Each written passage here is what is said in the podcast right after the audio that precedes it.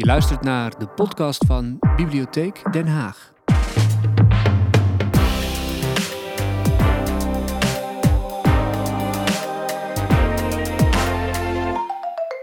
Oké, goedenavond. Het voelt een beetje vreemd om goedenavond te zeggen. Het is een, beetje alsof ik een soort tv-presentator eh, ben. Eh, maar ja, dat ben ik feitelijk nu ook. Eh, ik ben Bas, Bas Haring. En ik ga een verhaal vertellen, of meerdere verhalen vertellen... ehm, eh, over filosofie, of, of misschien gebruik maken van filosofie.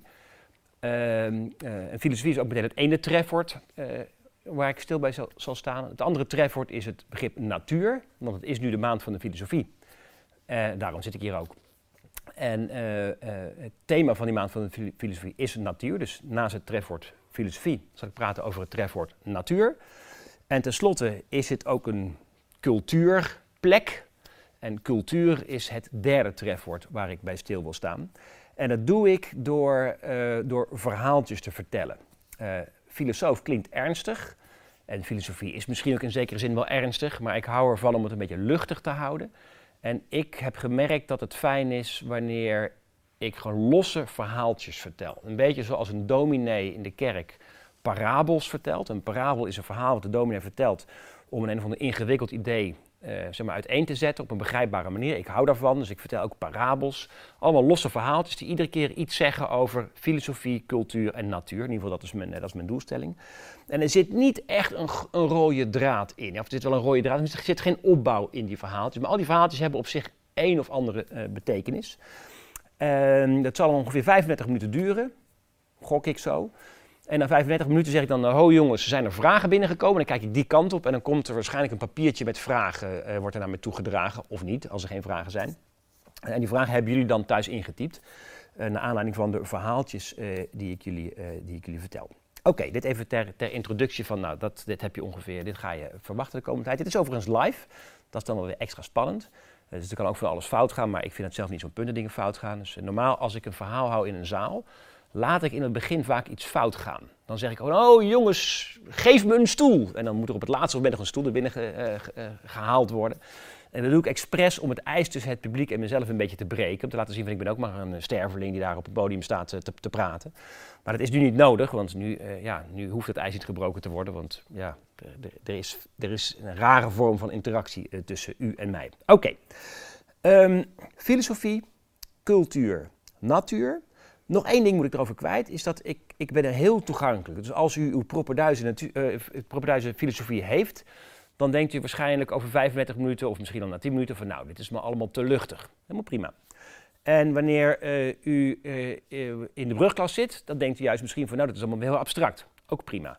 Maar feitelijk vind ik ieder publiek, eh, iedereen moet kunnen luisteren naar wat ik te vertellen heb. Dus ik hou dingen toegankelijk, luchtig. En ik vind het ook, ik vind het zelf eigenlijk gewoon het meest plezierige. Oké. Cultuur, natuur en filosofie. En om te beginnen, ehm eventjes over, over de grens tussen die begrippen. Dat is heel moeilijk. Het is heel moeilijk, maar vaak zijn mensen op zoek naar definities. Van ik wil precies weten waar je het over hebt. En dat is ook eigen aan filosofen. Filosofen willen ook weten waar heb je het nou precies over. Maar de grens tussen natuur en cultuur is heel moeilijk te trekken. Ik ben hier onderweg naartoe gereden, ik ben in Ipenburg nu. En ik, kwam, eh, ik, kwam, eh, ik, ik reed een stukje verkeerd. En toen kwam ik precies langs de strandbeesten van Theo Jansen rijden. Die staan er niet zo ver vandaan, een kilometer hier vandaan. Ik ken Theo Jansen. Theo Jansen heeft een column geschreven in de Volkskrant. En ik volgde hem op als columnist in de Volkskrant. Daar ben ik weer mee gestopt, maar fijn. Dus ik ken Theo Jansen vrij redelijk. En ik ben een half jaar geleden bij hem geweest om naar die strandbeesten te kijken. Ik neem aan dat u allemaal weet eh, welke strandbeesten ik het over heb, want u komt hier uit deze omgeving en u kent die dingen natuurlijk, maar dat zijn hele grote, toffe, eh, toffe ja, constructies die op een taluut staan hier langs de A. Ik weet niet welke A4, A13, ik kijk jullie even aan. Wat is het? A13. A13, langs de A13. En ehm, dat zijn dingen die eruit zien als een beest. Dus vandaar ook strandbeesten. Ze kunnen autonoom bewegen op het strand. En dan, dan, dan bewegen ze eh, op de wind. Dat zijn constructies die gemaakt zijn zodanig dat als de wind er tegenaan waait, dat er dan dingen gaan draaien. En die draaiende dingen die brengen weer voeten in beweging. En dan kunnen die beesten over het strand bewegen. Maar ze zijn gemaakt van, van elektriciteitsbuis. Ja, elektriciteitsbuis is niet de component van het leven, is geen natuurlijk product, dat is iets anders. Ja, toch toch noemt Theo, of Theo Jansen ze beesten. En het is niet zo duidelijk hoe je dit soort dingen nou moet beschouwen. Is dat natuur? Is het een beest? Theo Jansen meent serieus, ja, het zijn eigenlijk beesten. Uh, maar ja, ze zijn, ze zijn door mensen gemaakte dingen. Waarom zeg ik dit? Ik zeg het om meteen om te laten zien dat het verschil tussen sommige begrippen die elkaar uit lijken te sluiten, misschien zo helder niet altijd is. En dat, doen, dat leren die strandbeesten mij. Kijk, wat is natuur? Dat is alweer een onwijs lastig begrip. En uh, er zijn hele colleges die alleen maar daarover gaan aan de universiteit. En er is maar één centrale vraag, wat is natuur? En dan heeft men daar weken achter, achtereen heeft men het over die vraag, wat het nou precies is. Ik vind, dat, ik vind dat een beetje overdreven en ook niet zo zinvol op een avond als deze. Ik vind het überhaupt niet zo zinvol, eerlijk gezegd. Of ik, ik, ik kan me daar niet mee bezighouden. Wat ik veel fijner vind, is om, um, is om een aantal hele kenmerkende voorbeelden te zoeken over datgene wat natuur zeker is. En een aantal voorbeelden te zoeken van datgene wat natuur zeker niet is, waar iedereen het over eens is. En dan ergens tussenin zal wel een of andere vage grens liggen die af en toe een beetje verschilt. Uh, het, regenwoud, het Amazone regenwoud lijkt mij bij uitstek een voorbeeld van natuur. Ik denk dat de meeste mensen op de wereld het daarmee eens zullen zijn. Ja, dat is natuur. In Nederland is het heel moeilijk om echte natuur, natuur te vinden. Maar ik denk dat je de Waddenzee toch echt wel natuur mag noemen. dat, is, dat is natuur, denk ik. Dit lampje, ik til het op, het staat uit, is geen natuur. Ik denk dat iedereen het ook daarover eens is. Een hond is alweer lastig. Een wolf is natuur. Een hond is een door de mens gemaakt beest, wat oorspronkelijk een wolf was, maar het is aangepast door ons. Dus een hond is toch misschien meer een cultuurding of een door ons gemaakt ding dan dat het natuur is. Dat is niet helemaal, dat is niet helemaal duidelijk. Uh, park lijkt mij ook toch niet echt natuur. Terwijl het lekker groen is uh, en het ook, uh, het ook fijn toeven is in een park. En het komt ook wel heel over als, als een bos, maar het is toch een park. Ik zeg, ik deel deze dingen met jullie alleen maar om te laten zien dat, dat het lastig is het begrip natuur precies te definiëren. maar ik hoop dat het niet nodig is. Dat we allemaal voldoende intuïtie hebben bij dat begrip. En dat ik zonder het te, te definiëren uh, er wel over kan praten. Oké, mijn eerste uh, bespiegeling over de spanning die er bestaat tussen natuur en cultuur. En dat is een, een, plek die ik heel tof vind, waar ik een paar jaar geleden ben geweest. Uh, en ik beschrijf die ook in een boek wat hier staat. En ik moet zeggen, toen ik hier kwam zitten, uh, schrok ik een beetje. Want er liggen dus allemaal boeken uh, die ik geschreven heb. Al, al, deze boeken die hier op de tafel liggen, die heb ik geschreven. En dat is best wel um, tof, als je dat zo ziet, maar ook wel confronterend. En van jeetje, mineetje zeg, daar ben ik allemaal mee bezig geweest in mijn leven. En eigenlijk ben ik het ook weer vergeten. Ik zal hier een boekje pakken, De IJzeren Wil. Dat ligt hier. Tof boekje. Dit heb ik geschreven in de natuur, op uh, onbewoonde eilandjes of half onbewoonde eilandjes in de stille Zuidzee. Dat is al zo lang geleden dat ik me dat allemaal nauwelijks meer kan herinneren. Dus het was wel, was wel confronterend om al, die, om al die dingen te zien. En in één boek beschrijf ik, dat is dit boek, ik zal er zo een stukje uit voorlezen, beschrijf ik Landgoed de Koningshof. Landgoed de Koningshof is een, uh, is, een, uh, is een natuurgebied in de buurt van Haarlem, bij het, vlakbij het kopje van Bloemendaal, voor de mensen die die, die omgeving kennen. dat is een hele steile heuvel waar je overheen kan fietsen, heel tof fiets, fietsgebied. En Landgoed Koningshof is een van de allereerste um, beschermde stukjes natuur in Nederland. Niet het eerste stukje, maar het is wel heel snel al een beschermd stukje natuur. Het is een prachtig stukje natuur. Uh, duinen met allemaal, uh, allemaal bomen en struiken en allemaal insecten leven daar. En vogeltjes en allemaal, allemaal beestjes. En dat loopt langzaam over naar uh, de duinen van het strand en dan verandert het in de zee. Uh, in een heel klein gebiedje van een paar vierkante kilometer heb je heel veel verschillende vormen van natuur. En dat is heel bijzonder en heel tof en heel beschermd. Als je er naartoe gaat naar het landgoed Koningshof, dan uh, als je er toegelaten wordt, want daar moet je apart toestemming voor vragen, dan uh, zul je zien dat midden in die paar vierkante kilometer die dat landgoed is, staat een hele grote betonnen blok. Een gigantisch betonnen blok, en dat is een bunker, die speciaal daar is neergelegd. En toen was het al opgebouwd, toen was het al uh, een, een, natuurgebied. En in die bunker liggen hele gevoelige films opgeslagen hele oude films die, uh, uit het begin van de, van, van de film. Uh, toen film net, uh, net begon, ik ik weet niet hoe lang geleden, ik schat zo in 100, ruim 150 jaar geleden, zo denk ik, ik weet het niet eens precies. Maar toen gebruikte men een film, een, een, een drager van film, die heet een nitraatfilm. En dat is een soort van, van, van ja, doorzichtig, niet plastic, maar een doorzichtig spul, wat heel makkelijk in de fik vliegt. En om te voorkomen dat het in de fik vliegt, wil je het heel koel bewaren onder gecontroleerde omstandigheden. En uh, ja, een hele grote ijskast is te duur. Dus toen heeft men bedacht dat de, oude, de alleroudste Nederlandse nitraatfilms, die bewaart men in die bunker in uh, het kopje van, die daar uh, bij het kopje van Bloemendaal staat, in het landgoed Koningshof. En om die boel daar op te kunnen slaan, hebben ze een heel stuk van het landgoed dus omgekapt en er is die bunker voor, voor teruggeplaatst. En eigenlijk laat dat wel zien welke spanning er bestaat tussen natuur en cultuur. Er is daar natuur verdwenen, die is weg, mooie natuur. En er is cultuur voor teruggekomen, hele toffe, uh, toffe films. En dat is kenmerkend voor de tijd waarin wij leven. Er, hè, we zijn met heel veel mensen op deze wereld en het worden er steeds meer. Uh, we hebben oppervlak nodig voor voedsel uh, en voor allerlei andere dingen om te wonen. En dat gaat ten koste van de natuur. En dat voelt op de een of andere manier heel rottig. En, en, en, en het feit dat die natuur verdwijnt is ook een van de redenen dat het het thema is van de maand van de filosofie.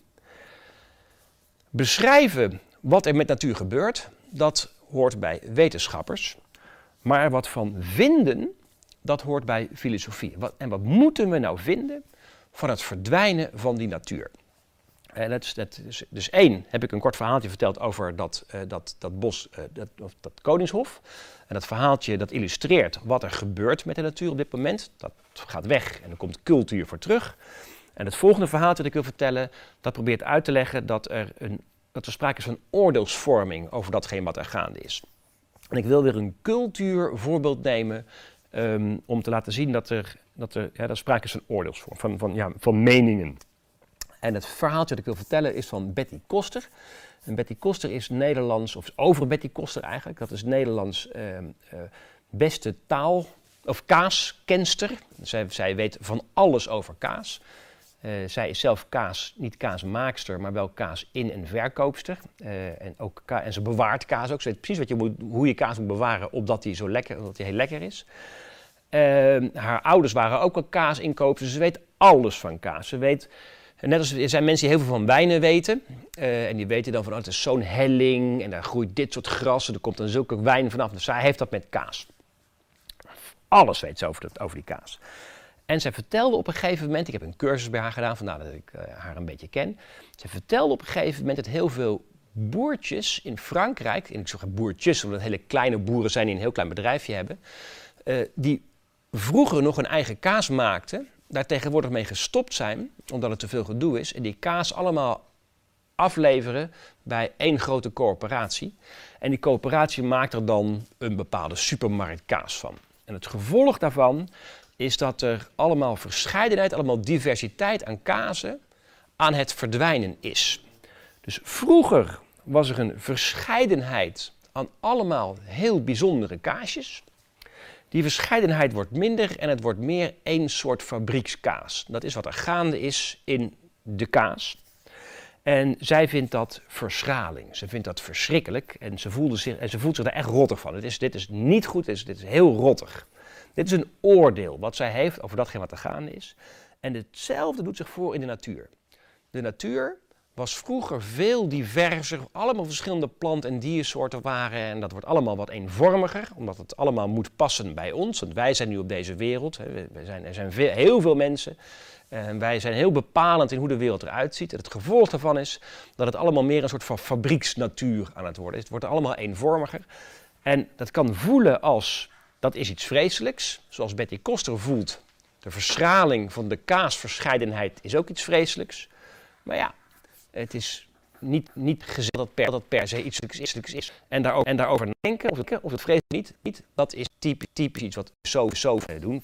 Filosofen zich bezig met waardeoordelen, of in ieder geval een tak van sport van de filosofie houdt zich daar, eh, daarover bezig. En daarin verschilt filosofie dus van, van, van wetenschap. Dus waarom vertel ik dit verhaaltje? Om één aspect van filosofie te laten zien, namelijk filosofie houdt zich onder andere bezig met wat moet ik nou ergens van vinden. Dat hoort erbij. En ik vertel het verhaaltje ook om je intuïtie over de natuur ietsje te relaxen. Want veel mensen voelen van verdorie zegt, er zijn nog verschrikkelijke dingen aan de hand met de natuur. En maar weinig mensen vinden, er zijn verschrikkelijke dingen aan de hand met kaas. Uh, en toch lijken die dingen best wel veel op elkaar. Volgende verhaaltje. En dit verhaaltje vertelt uh, over wat, wat, wat ik kenmerkend vind voor, voor, voor of hoe, hoe, ik, uh, hoe ik als filosoof in het leven sta, of in, of in mijn werk sta. En dit is ook een verhaaltje over natuur, dus daarom vertel ik dit verhaaltje. En het illustreert, illustreert voor een deel hoe filosofen te werk gaan, uh, vind ik. En dit verhaaltje betreft de, de natuur in Panama. mijn vrouw is bioloog, dus dat is ook een van de redenen dat ik redelijk in, de, in het natuur, in de natuurdingen zit, hoewel ik daar eigenlijk al heel lang in zit. Want mijn allereerste boekje, dat ligt hier ook, dat heet Kaas en Evolutietheorie. Dat is al van lang voordat ik mijn vriendin kende. Dat gaat over, ook gaat over evolutie, dat is natuurlijk een biologieonderwerp. Ah, anyway, uh, mijn vrouw doet onderzoek in Panama, um, uh, op een eilandje in het Panama-kanaal, als bioloog zijnde. En uh, ik was daar bij, een keer bij haar langs. De, allereerste keer dat zij daar werkte was ik, of de alle, ja, ik was daar langs. En de allereerste keer dat ik daar was, um, uh, gaf ze mij een rondleiding op het Panama-kanaal. Ik neem aan dat jullie allemaal weten dat uh, uh, Panama bestaat uit een heel, daar loopt dwars doorheen een heel groot kanaal. En wij voeren op een klein bootje door dat kanaal. Zij stuurde dat bootje. En links en rechts van het kanaal zie je oerwoud. Oerwoud zoals je je oerwoud voorstelt. Je, met, met lianen en, en, en papegaaien en allemaal groen en verschrikkelijk veel planten en dieren en allemaal insecten en vogeltjes en oerwoud. Nou, oké, dat was een ervaring. De dag daarna uh, moest zij weer aan het werk en ik ging ergens anders naartoe. Ging naar het Kanaalmuseum. Het museum dat gemaakt is uh, over de totstandkoming van het Panama-kanaal. En daar zag ik dat om het Panama-kanaal te kunnen maken, er een spoorrails aangelegd is in wat eerst oerwoud was. En om die spoorrails aan te kunnen leggen, heeft men het oerwoud over een heel groot gebied helemaal weggehakt, kaal geslagen. Dat gewoon veranderd in een woestijn. Daar is die spoorlijn getrokken en vanaf die spoorlijn is men het Panama-kanaal gaan graven. Um, en het Panama-kanaal is ruim 100 jaar oud, niet zoveel ouder dan 100 jaar. Dus blijkbaar was dat gebied wat nu oerwoud is, was 100 jaar geleden een kale vlakte. Rara, hoe kan dat? Want oer betekent oud. Um, het bos daar kon niet ouder dan 100 jaar zijn. En ja, hoe, hoe zit dat precies? En ik was zo dom om die vraag niet ter plekke te stellen. Dus die vraag die kwam wel in mijn hoofd op van god, hoe zit het eigenlijk met het oerwoud Taro? Maar ik stelde de vraag aan niemand daar van, goh, wat is het eigenlijk voor een oerwoud? Pas in Nederland, toen ik weer in Nederland was, stelde ik die vraag van, god, wat heb ik daar eigenlijk gezien? Wat was het voor een bos? Want heel oud bos kon het niet zijn, want het was, uh, was niet, niet ouder dan 100 jaar. Ja, vertelde toen uh, een aantal boomdes, bosdeskundigen, mijn vrouw is geen bosdeskundige, dus die kon, het, die mijn vraag niet beantwoorden. Ja, zijn een aantal bosdeskundigen. Wat jij gezien hebt, daar is secundair regenwoud. Je hebt twee soorten regenwoud. Primair regenwoud, dat is het oude regenwoud van wel honderden jaren oud. Dat is het regenwoud wat verdwijnt, hè, waarvan je leest, zoveel vierkante, uh, zoveel voetbalvelden per minuut verdwijnt. Dat is primaire regenwoud, oud regenwoud dat verdwijnt. En er komt in een deel van de gevallen komt daar secundair regenwoud voor terug. En dat is nieuwer, jonger regenwoud. En, zeiden ze erbij, dat primaire regenwoud dat is gaaf. En het secundaire regenwoud is suf. Ik overdrijf misschien een beetje, maar dat waren wel het type termen wat ze gebruikten. En dat is een waardeoordeel. Hè? Een waardeoordeel, dat hoort niet bij de wetenschappers, dat hoort bij de filosofen. Nee, dat is interessant. We hebben een wetenschapper, een bioloog, die vindt dat secundaire regenwoud, het nieuwe regenwoud, wat er voor mij uitzag als echt regenwoud, dat vindt hij suf. En toen dacht ik bij mezelf, ik wil weten of ik het daarmee eens ben, ja of nee. Ik, klopt dat wel dat dat suf regenwoud is? En dan, en daarom vertel ik het verhaaltje eigenlijk, is er als filosoof maar één ding wat je kunt doen. En dat is eigenlijk een levenshouding die ik iedereen zou aanraden. Is kom dan in beweging om een antwoord te krijgen op die vraag. Dus ik had de vraag, is het nou echt wel zo dat het regenwoud wat ik daar zag, dat het suf regenwoud is? Wat moet ik daarvan vinden? En er zat maar één ding op en het was in het vliegtuig stappen, uh, er naartoe vliegen en door het regenwoud gaan wandelen om te ervaren wat vind ik nou van het regenwoud. Dus ik heb dat gedaan. Ik ben naar Panama gevlogen. Mijn vrouw bleef thuis in Nederland. Ik heb iemand eh, gevonden die, mij, die bereid was mij door het oerwoud te leiden. Door allemaal verschillende vormen van oerwoud. En ik heb toen zelf daar een mening over gevormd. En mijn mening was dat dat secundaire regenwoud, het zogenaamd suffe regenwoud, dat ik dat eigenlijk best wel tof regenwoud vond. Ik vond het helemaal niet zo suf. Waarom vertel ik dit? Ik vertel het omdat eigen is aan filosofen dat, je, dat ze nieuwsgierig zijn, dat ze datgene wat vanzelfsprekend lijkt, dat ze dat bevragen. En als ze dan een vraag hebben, dat ze ook in beweging komen om die vraag te beantwoorden. Dat is leuk om te doen. Dus doe dat ook af en toe. Als je iets tegenkomt in je leven waarvan je denkt, hoe zit het nou? Uh, ik dacht dat het zo zat, maar misschien zit het wel zo. Of uh, die persoon zei dit, maar is het niet andersom? Moffel zo'n vraag niet weg, maar geef die vraag ruimte in je leven en, en, doe daar eens mee. Probeer die vraag te beantwoorden. Hartstikke leuk. In mijn geval kost het me natuurlijk wel klauwen voor geld en CO2-uitstoot, maar fijn. Het kost ook klauwen voor geld. Ik heb het geld weer terugverdiend, omdat het een onderdeel geworden is van een boekje. En het boekje is weer verkocht, dus ik had ook een mooi verhaal en ik kan het nu ook vertellen. Uh, dus het kan je ook nog wel zelfs wat opleveren, uh, die, die levenshouding. Dit was een heel ander verhaal, maar dit verhaal laat wel iets zien, wel over de natuur. Um, ook in zekere zin misschien wel over cultuur, maar vooral laat het verhaal zien hoe het leven van een filosoof eruit zou kunnen zien. Filosofen doen ook nog andere dingen. Uh, filosofen zijn, ja, laat ik zeggen, misschien mierenneukers. Misschien is dat, wel een, uh, is dat wel een goed woord. Het zijn mensen die heel precies willen weten hoe dingen zitten uh, en, en analyseren wat iemand precies zegt. En daarover gaat mijn volgende bespiegeling over natuur. Ik hoop ondertussen overigens uh, dat jullie wel af en toe wat vragen uh, intypen. Dat is lekker. Dan kan ik na 35 minuten zeggen van nou oké, vragen. Dan ga ik in op de vragen die jullie gesteld hebben. Um, en ik realiseer me dat ik allemaal losse brokjes vertel. Maar dat nodigt misschien juist wel uit tot iedere keer weer het stellen van een andere vraag. Oké, het volgende verhaaltje gaat dus over het gemierenneuk wat eigen is aan filosofen. En de precisie die, die een beetje bij dat vakgebied hoort. En dan gaat het niet per se precisie over definities, want de filosofen vinden niet per se, per se nodig om precies te weten wat natuur zou, nou precies, precies betekent, want dat is iets wat je helemaal niet precies kunt weten. Waar een filosoof heel erg precies in is, is de kwaliteit van redeneringen. Dat, dat, is, dat is heel belangrijk. Dat vind ik ook superbelangrijk. Iemand moet wel zorgvuldig denken en dingen precies op een rijtje zetten. Dat, dat is voor mij superbelangrijk en dat is voor filosofen altijd zo. En dat blijkt wel uit, of dat wil ik illustreren aan de hand van weer een verhaaltje over natuur. Of eigenlijk een uitspraak over natuur. En het is een uitspraak die je best veel hoort. En die is dat we uh, vergeten zijn hoe verbonden we zijn met de natuur. En dat die verbondenheid, hè, die, die er echt is, we zijn heel erg verbonden met de natuur. En dus kunnen we niet zonder die natuur. Hè, we zijn heel erg verbonden mee en dus kunnen we niet zonder. En die dus is dan het woordje waar een filosoof meteen op denkt, oh, klopt die? Dus dan? We zijn verbonden met de natuur, dus kunnen we niet zonder.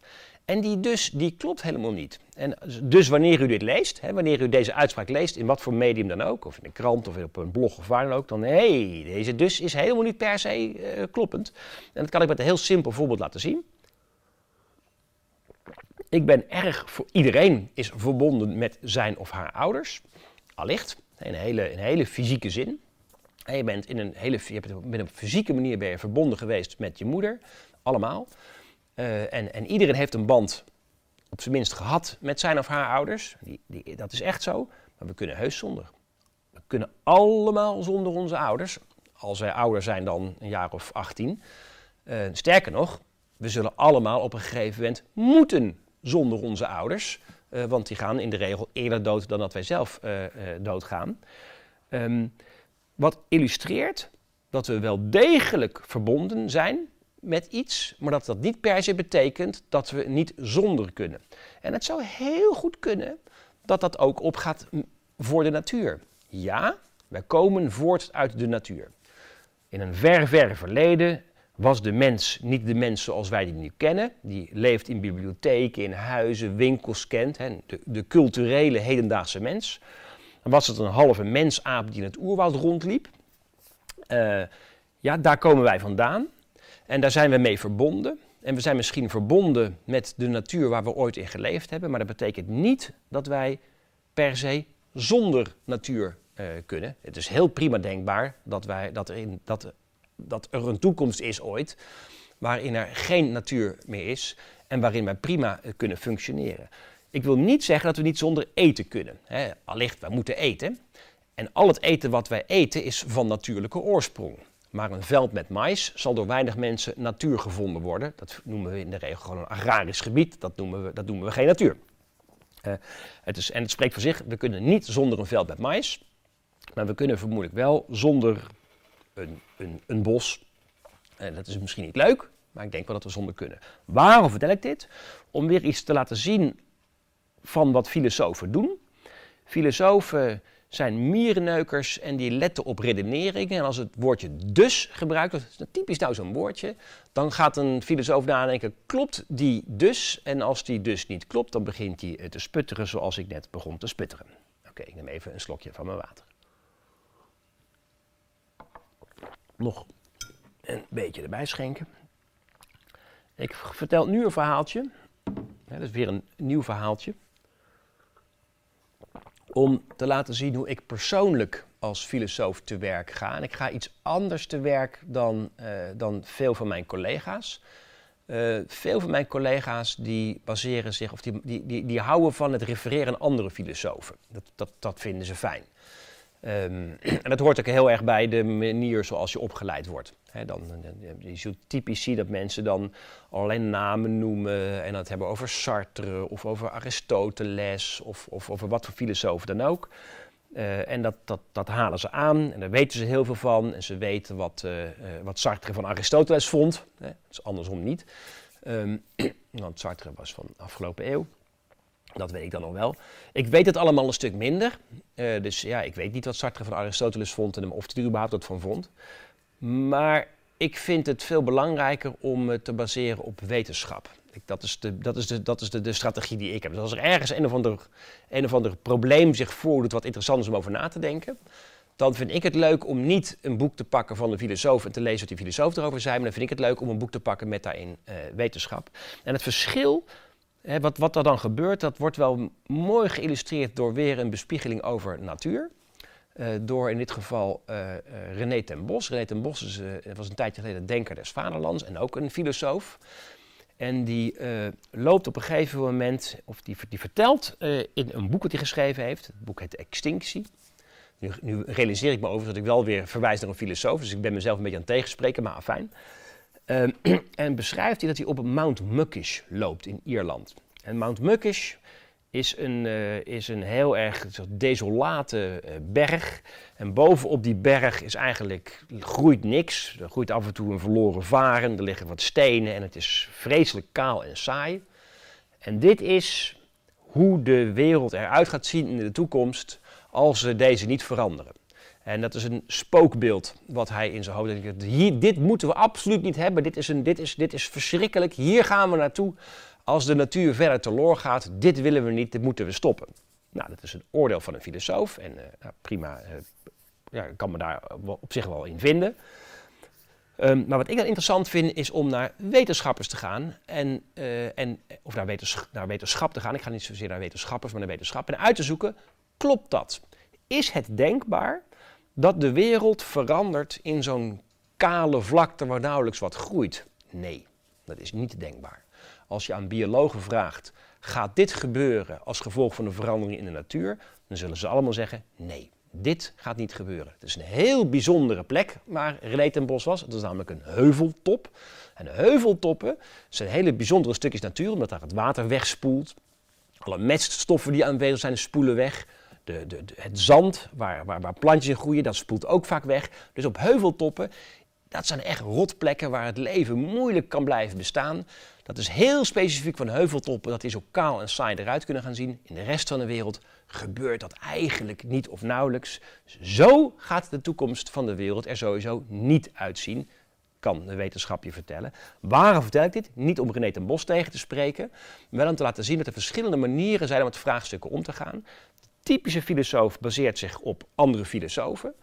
Uh, ik vind het leuker om uitstapjes te maken naar wetenschap. Dat is de strategie uh, die ik heb. En dat, dat, ken, dat, ja, dat, dat, dat hoort bij mijn manier van, uh, van filosofie bedrijven. Ik kijk even op de klok. En ik weet dat ik straks nog een stukje wil voorlezen. En ik weet ook dat ik een heel gaaf verhaal nog wil vertellen over een soort optimistisch verhaal over hoe iets cultureels in de plaats kan komen voor iets, uh, voor iets natuurlijks. Een beetje net zoals de Koningshof, maar dan nog een toffer. dus ik ga het verhaaltje gewoon nu vertellen. Ja? En dan kijken jullie even aan. En, zijn er überhaupt vragen? Ja, er zijn vragen. Goed zo. dus dan is, het, dan is het wel mooi. Dan ga ik dat verhaaltje vertellen en dan komen de vragen. En dan ga ik nog, nog wat voorlezen. Misschien nog, ga ik nog wat reserveverhalen met jullie delen.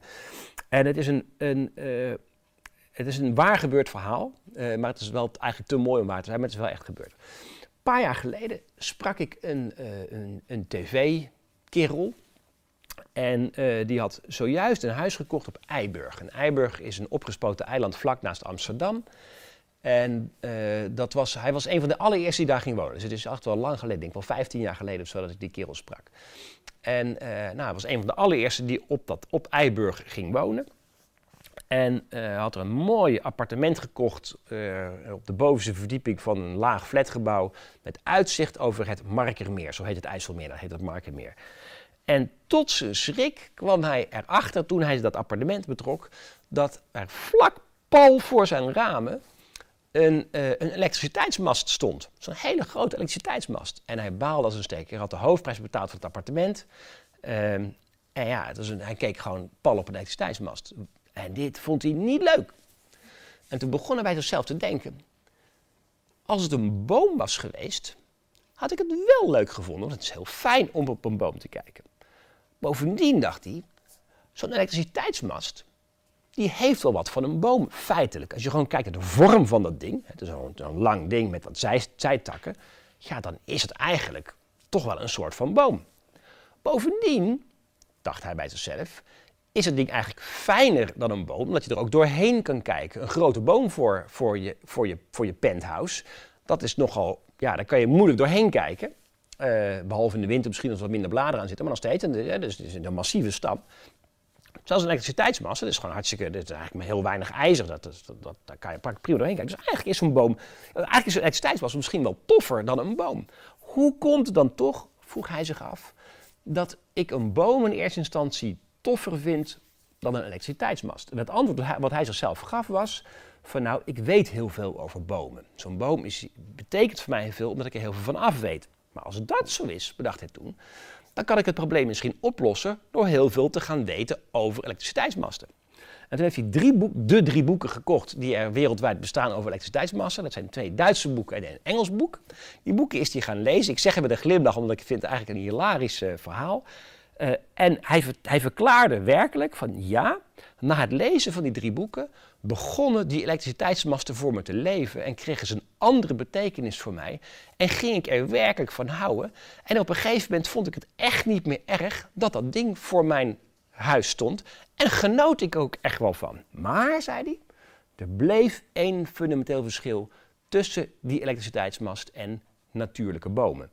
En het verschil is dat een boom seizoenen kent en veranderlijk is. in de lente of, eh, komen de blaadjes groeien, in de zomer staat hij helemaal vol, eh, vol in het blad. Ehm, en dan komen er misschien nog wat vruchtjes aan of, of, of zoiets. En in de winter verliezen ze een blad weer. Dus ze zitten, hè, dat is een dynamisch ding en zo'n elektriciteitsmast is maar statisch. Dus dat is een fundamenteel verschil en dat vond hij dan wel heel erg jammer. Totdat hij erachter kwam dat er op gezette tijden een, uh, een onderhoudsploeg langskomt die die boom of die die elektriciteitsmast dan controleert. En dat gebeurt best wel regelmatig. En als ze dat gedaan hebben, dan slaan ze een klein koperen plaatje in de voet van die elektriciteitsmast. Met erop een nummer en een code en een datum. En wat hij toen gedaan heeft, heeft hij een verrekijker gekocht, een hele goede verrekijker, om te kijken of er of er weer een nieuw plaatje op zit. Dus heel af en toe kijkt hij of er weer een nieuw plaatje is, op is, op is, op is gestand in de voet. En daardoor is die boom voor hem een dynamisch ding geworden, een veranderlijk of is die elektriciteitsmast een veranderlijk ding geworden. En is dat ding net zo tof, tof geworden, echte, echte boom. Um, um, en ik vind het, ik vind het een heel verhaal. Een tof, een tof verhaal te zien, te zien dat oordeelsvorming die we hebben over zaken in de loop van de tijd kan veranderen. En alle negatieve sentimenten die we nu misschien hebben vanwege de teloorgang van de natuur, er is werkelijk sprake van. Hè. Het wordt steeds minder natuur, het wordt, het, dat, dat, dat is aan het gebeuren. Daar kunnen, we heel, daar, kunnen we, daar kunnen we heel verdrietig over zijn. Maar het verhaal van deze vent die ik een paar jaar geleden ben tegengekomen illustreert dat dat, dat, dat oordeel kan veranderen en dat het misschien niet per se zo vreselijk is. En ik vind dat, ik vind dat, ik vind dat leuk. En ik vind dat dat is eigenlijk een, een laatste taak uh, die de filosofie heeft, wat mij betreft. Hè, het zijn mensen die vragen stellen. En het vanzelfsprekende proberen te bevragen. Het zijn mierenneukers die bij het woordje dus en talloze andere uh, woorden uh, vragen. Uh, zeggen van ho, ho, klopt het allemaal precies wel? Maar het zijn ook de mensen die laten zien dat het misschien anders kan. Kan ik op een andere manier tegen bepaalde zaken aankijken? en, dat, en dat vind ik toch ook wel een hele toffe, tof onderdeel van filosofie. Oké. Ik heb nog een aantal reserveverhaaltjes die je kwijt wil.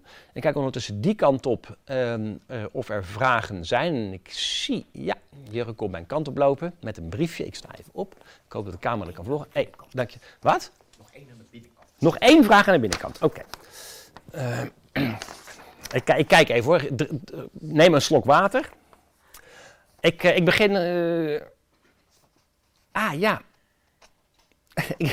ik begin even met vraag 3. Waarom drink je geen bierbas? Dat doe je bij elke lezing. Nou, dat is wel waar, maar ik ben met de auto.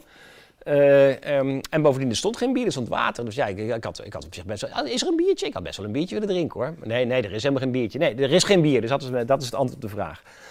Um, ik ga gewoon door, door naar de volgende vraag. Ben je over het algemeen optimistisch of pessimistisch over de toekomst van de mens? Ja, ik ben optimistisch. En, uh, en, ik, ben, en ik heb, er ook, ik heb een, argumentatie ook om optimistisch te zijn. En, uh, en die is dat, uh, kijk, ik let op hoe gelukkig voelen mensen zich. Dat is wat voor mij ertoe doet. Hoe, hoe, hoe, hoe ervaart een mens zijn of haar leven? En als iemand zijn leven of haar leven goed ervaart en lekker zich fijn voelt, dan is dat wat mij betreft oké. Uh, ik ga nu even een verhaal vertellen, ja, weer om, om mijn punt te maken. Sinds de Tweede Wereldoorlog is het in Nederland structureel beter gegaan als je let op een aantal objectief meetbare parameters, zoals de kwaliteit van de gezondheidszorg, het bruto nationaal product, de, de lengte dat wij leven. allemaal van dat soort objectief meetbare dingen. De kwaliteit van voedsel, van alles, is allemaal in objectieve zin er beter op geworden. En toch zijn we er niet gelukkiger op geworden. Hoe komt dat? Of wat is de, de belangrijkste hypothese over hoe dat, kan, hoe dat komt? Dat komt omdat we ons geluksgevoel in beperkte mate afhangt van datgene wat er in onze directe omgeving is, hoeveel we hebben en dat soort zaken. Wat veel belangrijker is, is hoe goed het met ons gaat ten opzichte van anderen in onze nabijheid. Hoe, hoe goed heb ik het ten opzichte van mijn buurman? Dat, dat bepaalt voor een belangrijk deel hoe wij ons voelen. En dat kan je heel rottig vinden. Dat is heel, eigenlijk heel slecht van de mens, maar het is ook heel mooi. En het mooie is dat als het er structureel slechter op gaat worden, dat we er dan ook niet ongelukkiger op worden. toen het, er het is de afgelopen decennia structureel beter op geworden. Ik zal het voor jullie tekenen, beter op geworden, maar daar werden we niet gelukkiger van. Als het nou structureel minder goed gaat, worden we er ook niet ongelukkiger van. Um, dus als een aantal dingen heel veel slecht... Stel je voor dat wij eh, de komende 20 jaar uh, op afstand moeten blijven uh, leven. Nou, dan zal het niet leuk zijn, maar daar gaan we aan wennen. En dan zal je zien, denk ik, uh, dat we er niet eens zo vreselijk veel ongelukkiger op worden. Dus ik ben in die zin ben ik optimistisch. Ik, ik, geef nu maar één argumentatie om optimistisch te zijn via dat, via dat voorbeeldje. Wat ik, maar ik ben optimistisch. Ook wanneer wij straks te maken hebben met een dijk van 20 meter voor de kust om, dat, om het water tegen te houden als gevolg van klimaatverandering. Of ook als er straks nauwelijks uh, haringen meer te vissen zijn te in de zee omdat die, omdat die er niet meer zijn of, of, wat voor redenen, eh, of een aantal redenen kun je opnoemen waarom je pessimist zou kunnen zijn. Nog steeds denk ik uh, dat de mensen die over een tijdje leven hartstikke gelukkig kunnen zijn. En dat is mijn uitgangspunt en in die zin ben ik optimistisch. Oké, een lang antwoord op deze heldere, korte vraag. Wat moet je kunnen, ik ga gewoon de volgende vraag om filosoof te worden? Ja, dat is wel een goede vraag. Uh, ik kan een heel formeel antwoord geven, dan moet je filosofie studeren. Maar eigenlijk is de vraag of ik überhaupt filosofie gestudeerd heb. Formeel heb ik filosofie gestudeerd. En dat komt omdat ik kunstmatige intelligentie heb gestudeerd. Heel hip vakgebied eigenlijk. Uh, uh, en dat was in der tijd onderdeel van filosofie. Dat was gewoon een, ja, een administratieve redenen had dat. En daarnaast ook vakinhoudelijke redenen, want de helft van de, de studie die ik volgde was ook gewoon echt een kopie van de filosofiestudie. Maar een aantal dingen heb ik niet gedaan. De geschiedenis van de filosofie heb ik niet gestudeerd. Dus ik weet, daarom weet ik ook niet wat Sartre vond van Aristoteles om een dwarsstraat te noemen. Dat heb ik nooit geleerd. Andere dingen leerde ik juist weer wel. Maar het was technisch en officieel gesproken filosofie. En daarom heet ik filosoof, omdat ik filosofie gestudeerd heb. Dus dat is het makkelijke antwoord op de vraag. Je je gaat filosofie studeren, dan word je filosoof. Maar je kunt ook iets anders doen. Kijk, als je die drie dingen doet die ik zojuist noemde, dan ben je de facto filosoof. Als je nieuwsgierig bent en vragen stelt en er vanzelfsprekendheden bevraagt, dat hoort erbij. Wanneer je ook nog eens een keer een mierenneuker bent en heel precies wil uh, redeneren en gewoon wel zorgvuldig wil nadenken, uh, en als je ook nog dingen, bereid bent dingen van de andere kant te zien uh, uh, en, en, en dingen op zijn kop te zetten. Als je die drie dingen uh, doet, dan, dan ben je wat mij betreft filosoof. En in ieder geval is het geen beschermde titel. Dus iedereen mag zich, mag zich feitelijk filosoof noemen. Daar, worden we, daar, wordt, hè, wordt, er wordt wel eens gesuggereerd dat er zoiets moet zijn als een register met erkende filosofen. Maar daar zou ik, zou ik tegen zijn. Um, dus dit, dit, is het antwoord op de vraag: wat moet je kunnen om filosoof te worden? Ik ga verder met de vraag, en ik vind het eigenlijk wel leuk om, uh, om, uh, om deze, deze vraag te beantwoorden. Waarom worden mensen zo emotioneel bij het idee dat, dat dingen verloren gaan? Hè, zoals die Betty Koster, die ik zojuist beschreef, die wordt heel emotioneel wanneer uh, er kazen verloren gaan, of wanneer de verscheidenheid en kazen verloren gaan. En heel veel mensen worden emotioneel als, uh, als er stukken natuur uh, verloren gaan, of verloren dreigen te gaan.